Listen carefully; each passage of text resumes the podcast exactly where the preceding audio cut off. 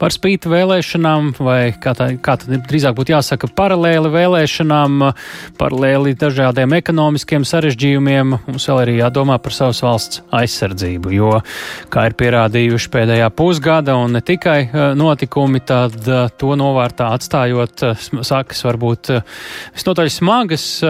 Ukraina arī vēl 14. gadā nevarēja lepoties ar kaut cik būtisku spēju aizsargāt savu valsti. Šobrīd tas viss krietni mainījies, ir, bet eh, labāk to visu darīt ir laikus. Un Viens no soļiem, kā tas uh, Latvijā šobrīd, kāds virzien, viens no virzieniem, kāds Latvijā šobrīd ir izvēlēts, papildus jau uh, dažādiem citiem veidiem ar budžeta palielināšanu un līdzīgi, valdība šodien ir apstiprinājusi valsts aizsardzības dienesta likuma projektu. Tas paredz valsts aizsardzības dienesta sākšanu jau no nākamā gada janvāra.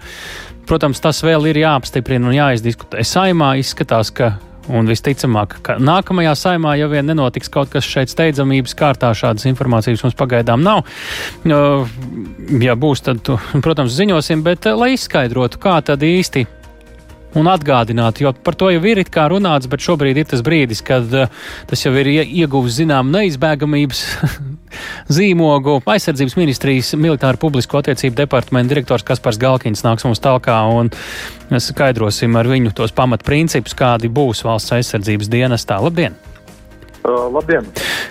Kāds ir mērķis valsts aizsardzības dienestam, ņemot vērā, ka līdz šim mums jau bija profesionālais dienests labu laiku Latvijā, bijām pieraduši pie tā, kāds mērķis ir šāda dienesta. Nu, tieši par atjaunošanu precīzi to varbūt nevar nosaukt, bet nu, kaut kādā ziņā tā ir obligātuma atjaunošana, ja ne tāda paša dienesta, kāds tas bija. Kāds tas mērķis bija mainot, mainīt šo mūsu kārtību vai papildināt? Jā, valsts aizsardzības dienesta mērķis ir papildināt jau esošās uh, Nacionālā bruņotā spēku kaujas spējas, gan uh, šobrīd, uh, tuvākā termiņā, ja mēs skatāmies, gan arī papildināt šīs te valsts aizsardzības spējas kopumā ilgtermiņā, veidojot uh, un uh, būtiski palielinot uh, sabiedrības daļu, kura ir militāri sagatavota un apmācīta uh, stāties pretī militāriem apdraudējumiem, tā skaitā tādiem, kādus šobrīd piedzīvo Ukraina, un arī, dzen, patiesībā plašākā mērogā skatoties arī saliedēt sabiedrību un sagatavot arī šo sabiedrības daļu būt spējīgai uh, ne tikai pašiem individuāli par sevi pastāvēt, aizsargāt savu ģimeni, bet arī darboties uh, lielākā, lielākā tvērumā, vienībās, komandās un uh, spēt arī uh, sniegt atbalstu civilajai sabiedrībai daž, dažādās krīzēs, kā to arī līdz šim ir, ir darījuši Nacionālajie bruņotie spēki, īpaši zemesardze. Nu jā, mums jau ir zemesardze, ir šis profesionālais dienests. Šajā gadījumā nu, ir tie, kuri vēl pieredzējuši padomju laikus, nekāda, un arī, jāsaka tā, arī neatkarīgās Latvijas laiku sākums, nu, tas obligātais militārais dienests, kas tajā laikā bija, nu, nebija nekāda medus maize, ar to motivāciju arī es pieļauju, ka līdz ar to bija citādāk arī, nu, domāšana visticamāk bija krietni citādāk, nu, pieminēsim, es nemāku pat īsti iztulkot šo vārdu, šo ģedovšanu, nu, kur, protams, ka Latvijā nebija ne tuvu tāda kā padomju armijā, bet visticamāk, ka arī nebija tāds rožu lauks labā nozīmē vai, vai kāds puķu lauks šis dienests. Ar ko pēc būtības, pēc domāšanas, pēc principiem šis obligātais, šī obligātā militārā sabiedrības iesaistīšana atšķirsies no tā, kas bija Latvijā līdz uh, profesionālā dienesta ieviešanai? Jā, tad šeit ar nelielu atkāpi paskaidrošu vispirms to, ka līdz šim Nacionālajie bruņotie spēki uh, ir pildījuši un arī zem izpildījuši tās galvenās prioritātes, kas kopš profesionālā dienesta uh, ieviešanas un uh, iepriekšējā obligātā militārā dienesta atcelšanas, kas bruņotiem spēkiem ir uh, bijuši uzdevumi uzdot. Un tā tad tā ir uh, gan uh, attiecīgi spēja reaģēt ātri uz apdraudējumu situācijām, personāla sagatavošanu un apmācību, un tā skaitā arī bruņojumu modernizēšanu, ko mums ir bijis iespēja izdarīt kopš 2014. gada, kad uh, ir sācis pieaugt aizsardzības finansējums, un uh, mēs esam saņēmuši finansējumu mm. pienācīgā apjomā.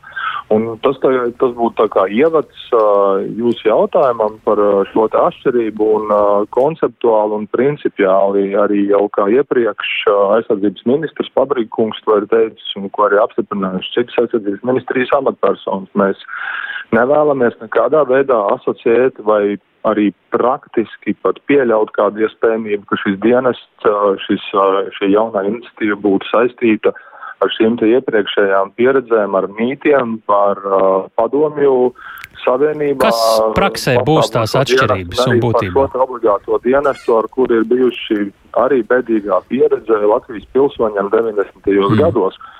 Kam, kam, vai pareizāk sakot, kas ir šis pamats, mums ir sagatavots profesionāli apmācītu instruktoru un virsnieku korpus. Ja, un arī šobrīd arī zemesardzē, kurā var brīvprātīgi iestāties ik viens Latvijas pilsonis arī, ja, tad šādas uh, dziedaušanas vai, vai kādas citas šīs te iepriekšējo laiku pieredzes vispār nepastāv. Jā. Nu, tas nav vienkārši savienojams ar šo jaunu iniciatīvu, un tāpēc mēs kategoriski jau no pašiem pirmsākumiem esam teikuši, ja, ka šis jaunais dienests nav nekādā veidā ar šo saistīts, un mums tam ir arī pamatojums. Labi, šo saklausījām izstāstīsim par tādām praktiskām detaļām. Kam, kad būs jādien šajā valsts aizsardzības dienestā un kā tas obligātums izpaudīsies?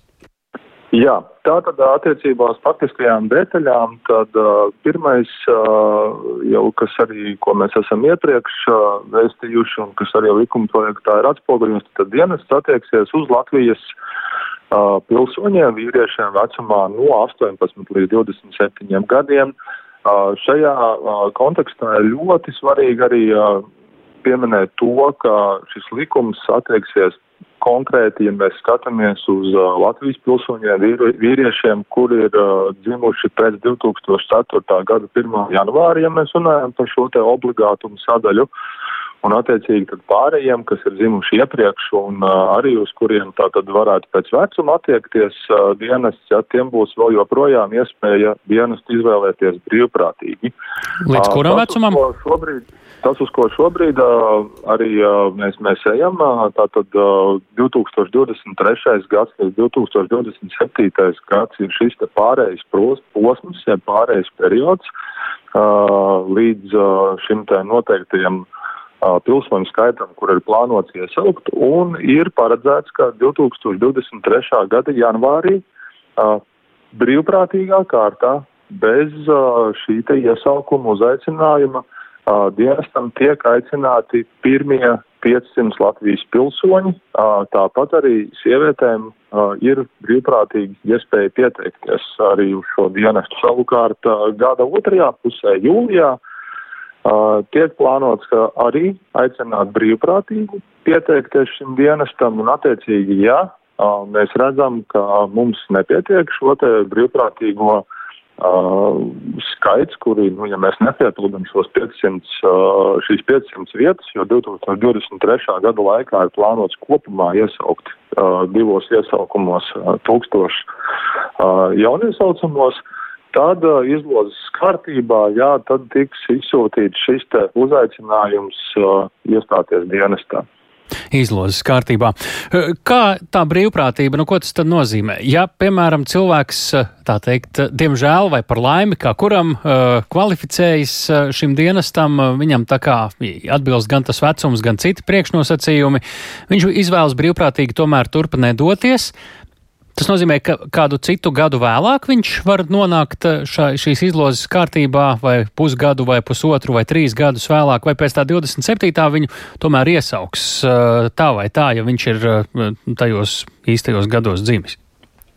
Jā, nu šajā gadījumā būtiski ir tas, ka mēs nec 23. gadā, nec arī līdz 27. gadam un vēlāk, ja mēs paskatāmies uz šo kopējo pilsoņu skaitu, uh, kuri ietilpt šajā vecuma grupā, tad uh, nu, šajā gadījumā mēs uh, pilnīgi visus uh, iesaukt uh, nespējam. Mums nav tam nedz uh, atbilstošas infrastruktūras, nedz nodrošinājumu, nedz ekipējumu.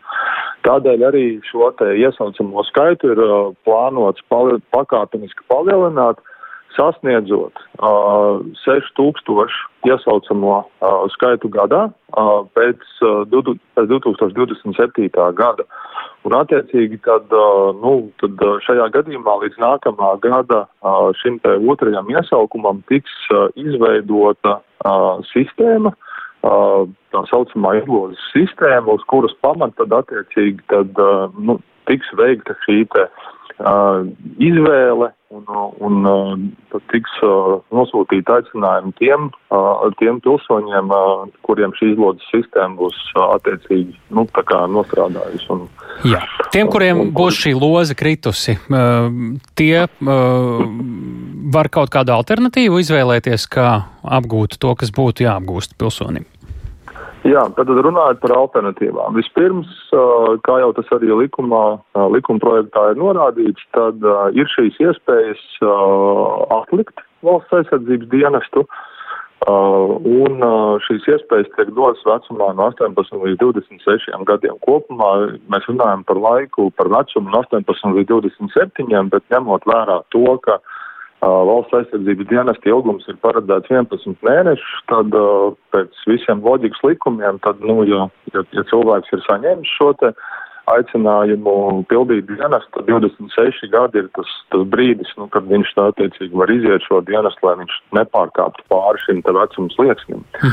Un tālāk jau runājot par alternatīvām, tad valsts aizsardzības dienests piedāvā vairākus variantus, kā šo dienestu būs iespējams iziet. Tātad pirmām kārtām 11 mēneši Nacionālā bruņoto spēku regulāro spēku vienībā vai kādā no zemesardzes vienībām.